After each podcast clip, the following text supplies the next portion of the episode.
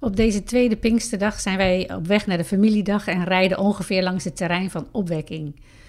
En het is geweldig om te beseffen dat zoveel mensen bij elkaar zijn om opgebouwd en versterkt te worden in het geloof en het besef om er niet alleen voor te staan.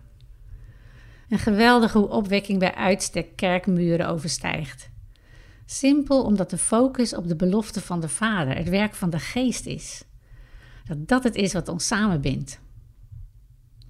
En zo met elkaar is het getuigen over Jezus en zijn werk in je leven een werkplaats voor de marktplaats, zoals Wimber zei.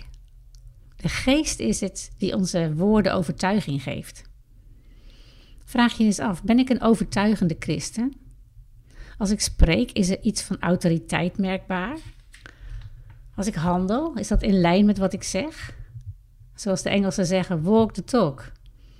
De Heilige Geest woont in jou en mij en geeft ons een facelift, een innerlijke zekerheid die maakt dat we beseffen dat we verloste, bevrijde mensen zijn.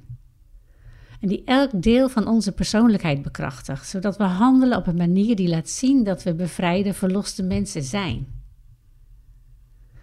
In Johannes 16 staat: Wanneer hij komt, zal hij, de Heilige Geest, de wereld duidelijk maken wat zonde, gerechtigheid en oordeel is.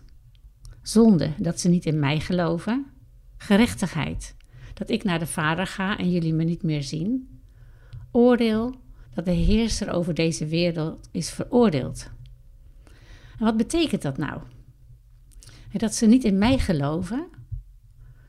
Het gaat eigenlijk over dat Jezus Christus het centrum van het leven mag zijn. En gedrag zoals stelen, liegen, bedriegen en overspel moet je zeker afwijzen.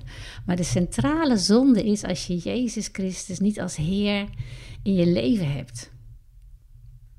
Gerechtigheid, dat is het feit dat Hij verhoogd is, bewijst zijn rechtvaardigheid.